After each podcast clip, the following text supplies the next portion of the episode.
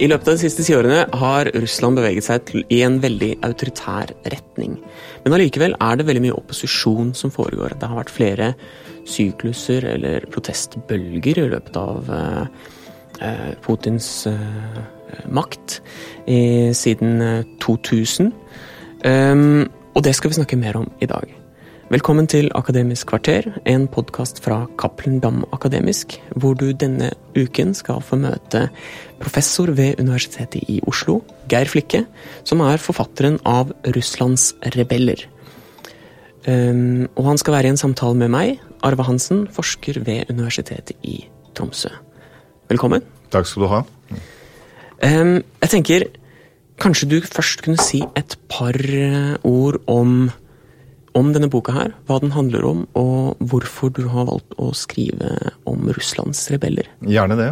Eh, dette er jo egentlig en, en nærstudie av et eh, kanskje eh, marginalt fenomen, i hvert fall tallmessig sett. Den russiske opposisjonen. Og ikke minst hans leder, altså lederen av opposisjonen, Aleksej Navalnyj, og hans virksomhet i dette, denne organisasjonen som heter Fondet for bekjempelse av, av korrupsjon. Navalnyj er en eh, skikkelse som fascinerer.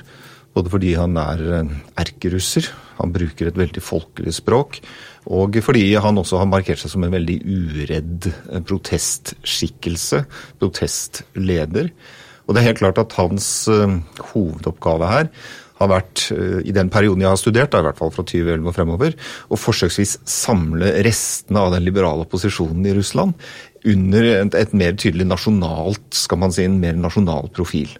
Eh, og Det er det boken handler om. Eh, mm. Russlands rebeller er rett og slett en studie av den politiske evolusjonen. Altså, det som slo meg når jeg fikk denne boka her på bordet på kontoret mitt, eh, hjemmekontoret mitt, det var jo hvor aktuell denne boka her er for det som faktisk foregår akkurat nå. Altså, som du sier, det handler jo i stor grad om Eh, Aleksej eh, Navalnyj. Og det virket jo Det var jo bare noen eh, et par uker etter at nyheten om at han hadde blitt forgiftet, at, den, at, jeg, at jeg, fikk denne boka her på bordet. En annen ting som, som jeg syns var fint med denne boka, er jo at der annen litteratur gjerne slutter med 2013 eller 2014, altså med Russlands eh, annektering av Krimhalvøya, som var svært populær i Russland, så har du tatt det et skritt videre, og du har tatt det helt, dratt denne tidslinjen helt opp til 2020. Um, ehm, kan du si litt hvorfor du ikke sluttet der hvor de andre gjerne slutter? Ja, det er et godt spørsmål, eh, og det har jeg også diskutert med en rekke kolleger. Men i utgangspunktet så var jeg interessert i å følge det jeg prøvde å definere som en protestsyklus. Altså Dvs. Si forsøksvis protester opp mot valg. ikke sant? Og Der hadde du ett valg i 2016, som var et Duma-valg. Og så hadde du presidentvalget i 2017-2018, hvor Navalny jo var den som først prøvde å gjennomføre en stor og bred presidentkampanje i det offentlige rom i Russland. Og det har vi jo ikke sett noe til eh, tidligere. 2014 ble nok for veldig mange det store vendepunktet i europeisk sikkerhetspolitikk pga. annekteringen av Krim og konflikten i Øst-Ukraina, som jo var initiert av Russland, begge deler. ikke sant? Og Derfor så har det vært kanskje vanskeligere på mange måter å ha et uh, gjennomgående fokus på russisk innenrikspolitikk i den perioden etter. Mm. Fordi man kanskje har tatt for gitt at nei, nå er det kroken på døra når det gjelder russisk innenrikspolitikk. Mm. Uh, Putin har dreid i en autoritær retning, og det er, gir ikke mening å studere politisk endring i Russland. Eh, så der var jeg nok kanskje litt trassig og tenkte at nei, nå har jeg begynt på dette prosjektet, og jeg skal i hvert fall gjennomføre det. Og se hvordan denne skal man si, syklusen ebbet ut. Mm. Fordi det er jo sterke tegn nå etter august 2020 at protestbevegelsen nok vil slite med å komme på fot igjen. Men de de altså, innenrikspolitiske problemer i Russland har jo ikke forsvunnet. Selv om, selv om, man har en sterk leder og man har et nytt stykke land. Og, eh, hva, hvorfor tror du at eh, protestbevegelsen nå ser ut til å ebbe ut? Jeg tror den ebber ut pga. Det, dette attentatet mot Navalny i august. For jeg tror ikke vi kan bruke et annet ord på det enn en det. Så Det betyr for så vidt at det som fantes av en politisk opposisjon, da, en samlet politisk opposisjon, nok vil være mye mer spredt nå enn, til, enn, enn tidligere. Og så er jeg enig med deg i at vi har ikke sett slutten på protester som sådan. Eh, F.eks. de store søppelprotestene. Altså eh, lokalpopulasjonens protester mot anleggingen av søppelanlegg rundt mm. Moskva. Overfylte søppelanlegg. Det er en tydelig protestbølge. Og den protestbølgen har jo fått følger lokalpolitisk. Guvernøren i Arkangelsk måtte gå av f.eks. pga. at han ikke klarte å pasifisere disse protestene, eller håndtere disse protestene. Så svaret er todelt. Den politiske protestbevegelsen tror jeg nok på mange måter har ebbet ut, eller eventuelt vil bli avløst av en annen type protestbevegelse. Men folkeprotestene, sånn som f.eks. økoprotestene, de økologiske protestene, de kommer vi nok til å se eh, i tiltagende styrke i årene fremover. Mm. Uh, du nevnte forgiftningen av uh, Navalny. Det har blitt spekulert blant ganske mange politiske analytikere at dette er slutten på Navalnys uh, karriere som opposisjonspolitiker. hva tenker du om den påstanden? Det tenker jeg er todelt om. Altså, På sett og vis så er det eh, slutten på eh, den type virksomhet som han, har drevet fram til nå, som jo har vært eh, rettet mot en, en åpen politisk protestbevegelse. Eh, etter 2020 så tror jeg nok at Eh, han kanskje kommer til å fortsette dette korrupsjonsbekjempelsesarbeidet, eh, selv om denne organisasjonen nå også sliter økonomisk etter å ha fått stempelet stempel utenlandsk agent på seg for ett år siden. Men om han vil være en magnet på andre opposisjonelle politikere, det, det, tror jeg ikke.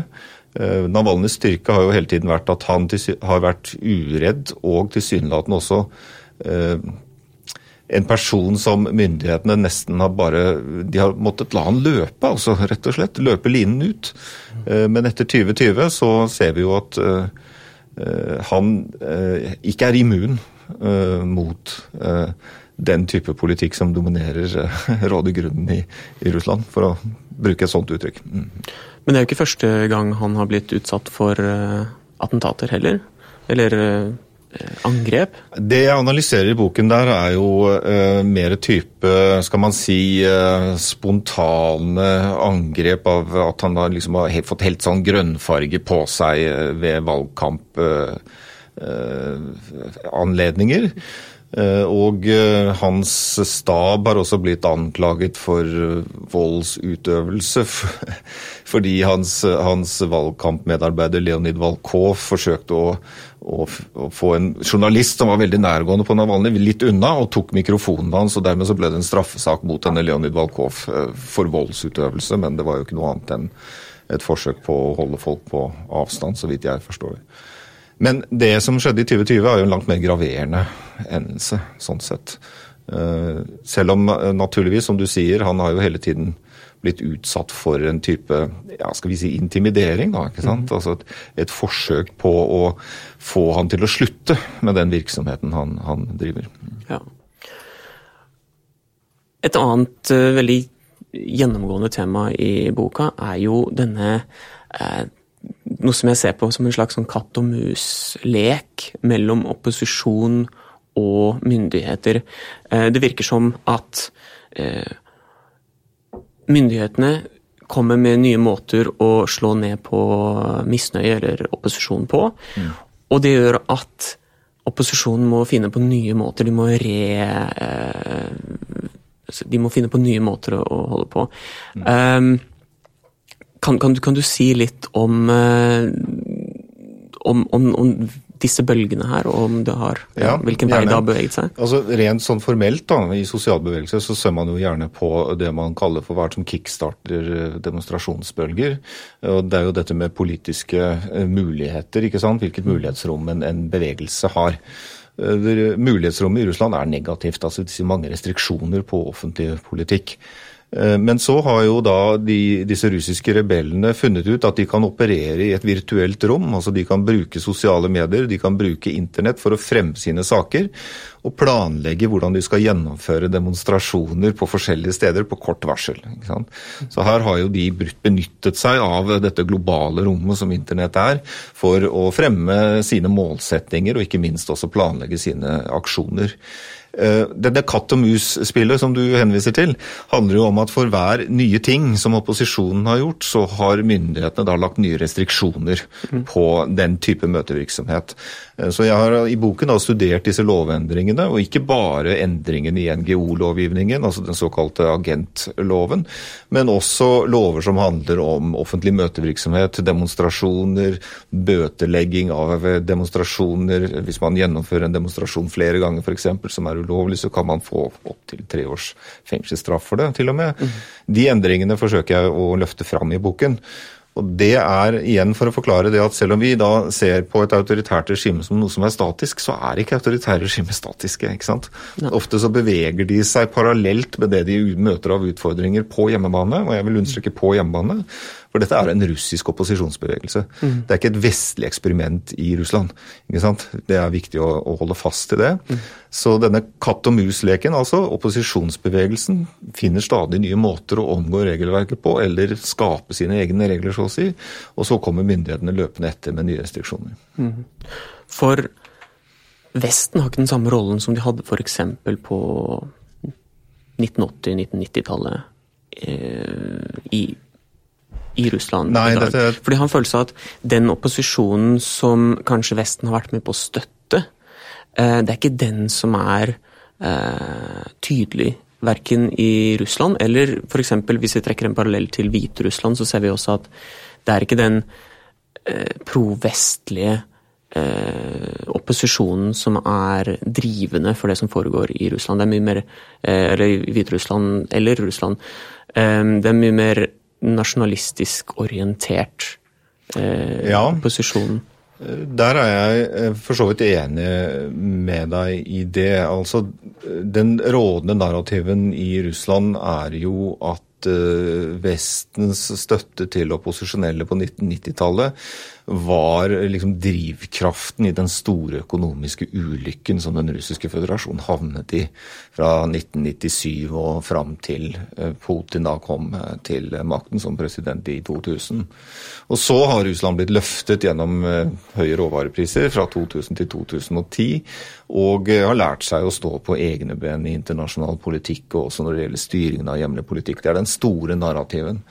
Men disse grasrotopposisjonelle, da, som, som, ble stampet opp av jorden, for å bruke et uttrykk fra en ikke ukjent sosiolog eh, fra det 19. århundre, eh, i 2011, de har eh, demonstrert på et helt annet type program enn det vi har sett tidligere. Mm. Det handler ikke om å bli en del av Europa. Eh, det er ikke noe som flagger bra i Russland. Det handler rett og slett om å være russer og kjempe for sine borgerrettigheter, da, for å bruke et slikt uttrykk, nemlig retten til frie valg, retten til ytringsfrihet og, og slike ting. Mm. Så der er parallellen til Hviterussland for så vidt interessant, bortsett fra at Hviterussland er et land på ti og noen millioner. Ja. Eh, og selvfølgelig også en autoritær president som har sittet siden 1994. Eh, mens Russland er jo et gigantland med store områder, mm. Eh, stor regional variasjon. Ja. Og sist, men ikke minst også da en rekke minoriteter på eget territorium som eh, Kreml da helst gjerne ser ikke slår ut som nasjonalbevegelser, for å si det slik. Ja. Men du, du, du, snakket om det med sosiale medier, som er en viktig sånn eh, kommunikasjonsmessig eh, eller organisatorisk verktøy. Ja. Eh, men en annen ting som du får fram ganske godt, er jo at denne kampen om borgerrettigheter, som du kaller det, eh, det er jo en urban konflikt. Mm. Eh, de, det virker som om det De slåss om byrommet. De slåss om plass til å synes. De slåss om plass for å vise at det fins eh, eksisterer misnøye i, i russiske byer. Så det tenkte jeg Det er et godt poeng, og jeg vil bare igjen slenge inn et eksempel direkte fra boken der. For i åpningsfasen så arrangerte jo moskovittene da de protesterte mot uh, valgfusk i 2011-2012, noe de kalte for Den hvite ring. Mm. Altså det vil si at de laget da en ring av mennesker som hadde disse hvite båndene på seg, biolylient, som det heter på russisk. Så sto de da hånd i hånd rundt hele hageringen. Mm. Men da kom kritikken internt med en gang. Fordi de kalte dette for hagering-opposisjon. Altså et, et, et, rent ut sagt moskovittisk fenomen. Og så definerte man den store oppgaven var å få dette budskapet ut i regionene. Og der er vi inne i den syklusen jeg analyserer. Fordi eh, Navalnyjs regionale kampanje f.eks. i 2017 var jo innrettet mot dette. Å ta protestbudskapet, opposisjonsbudskapet, ut i 27 forskjellige regioner i det russiske hjertelandet, eller kjerneområdet. Mm. Eh, så igjen, i dette, dette protestsyklusspråket, den dimensjonen jeg bruker for å analysere dette, så ser man en forskyvning her, altså en ambisjon. Eh, men om eksperimentet har vært vellykket, det er selvfølgelig et annet spørsmål. Mm. Ja. Um, men så er det et annet spørsmål. Eh, hvorfor har de tillatt altså Navalny til å holde på så lenge? Altså Vi ser jo eh, i Hviterussland, da, for å, hvis vi fortsetter med det eh, eksempelet, så har jo det vært så lite opposisjon i løpet av eh, de siste 26 årene, nettopp fordi opposisjonsledere har blitt eh, fjernet. Så med en gang man viser en form for eh, ikke engang opposisjon, men at man har en slags politisk makt som tenkt eh, kan potensielt være en trussel mot Lukasjenko, så har disse lederne blitt fjernet. Mens eh, i Russland så ser vi jo at opposisjonen faktisk får litt spillerom. De har lov til å holde på så lenge de holder seg innenfor eh, visse rammer. Eh, kan du si litt om hvorfor du tror det det er noen viktige forskjeller når man ser på det organisatoriske. I Hviterussland så er opposisjonen eh, organisert på en måte som tilsier at de har en flat struktur. Ikke sant? Det vil si at det er flere ledere, og det er også personer som kan gå opp og ta lederskap dersom det skulle oppstå hulrom pga. arrestasjoner og slike ting. Og så synes den å være forankret i noe som er en langt mer, altså en bredere og mer eh, sivilt eh, orientert borgerrettslig bevegelse i Hviterussland, hvor man bruker nasjonale symboler som på en måte da er blitt tatt ut av den nasjonale diskursen under Lukasjenko da han innførte disse sovjetsymbolene eh, ganske tidlig i Hviterusslands historie. Men Navalnyj Navalny han leder da en kjerneorganisasjon som har en grundig kompetanse på hvordan man skal bruke internett i, til valgkamp og protest. Mm. Spørsmålet er da hvor stor støtte har han i det brede folkelaget. ikke sant? Og Der vil jo kritikere av bruk av sosiale medier til denne type sosial bevegelsesformål si at det ofte kan oppstå lukkede grupper hvis man bruker internett på denne måten. Altså det vil si Grupper som ikke nødvendigvis identifiserer seg med en bred bevegelse, men som sitter i sine dark rooms eller mørke rom og sympatiserer, men som da ikke kommer ut og deltar i en politisk bevegelse. Så De strukturelle forskjellene her er viktige, og jeg tror det er også noe av dilemmaet. Eh, fordi sent i uh, sin mobilisering i 2017 så ble jo Navalny beskyldt for vajdism, som det heter på russisk. Mm -hmm. Altså for at han hadde en type lederskap som grenset til en kult. Og til og med mm. hans egne i uh, partiet for eller Partiet for progresjon, da, for mm. å bruke det uttrykket, kritiserte han fordi han var så veldig fokusert på presidentkampanjen og ikke ivaretok liksom den brede partibevegelsen. Mm.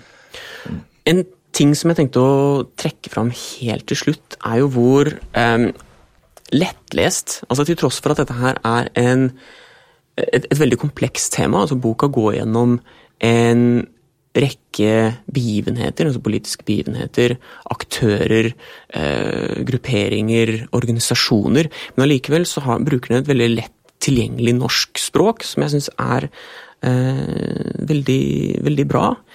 Eh, så jeg tenkte som et siste spørsmål Hva er det du vil at folk skal sitte igjen med? Altså, hva, er, eh, hva er selve budskapet til boka?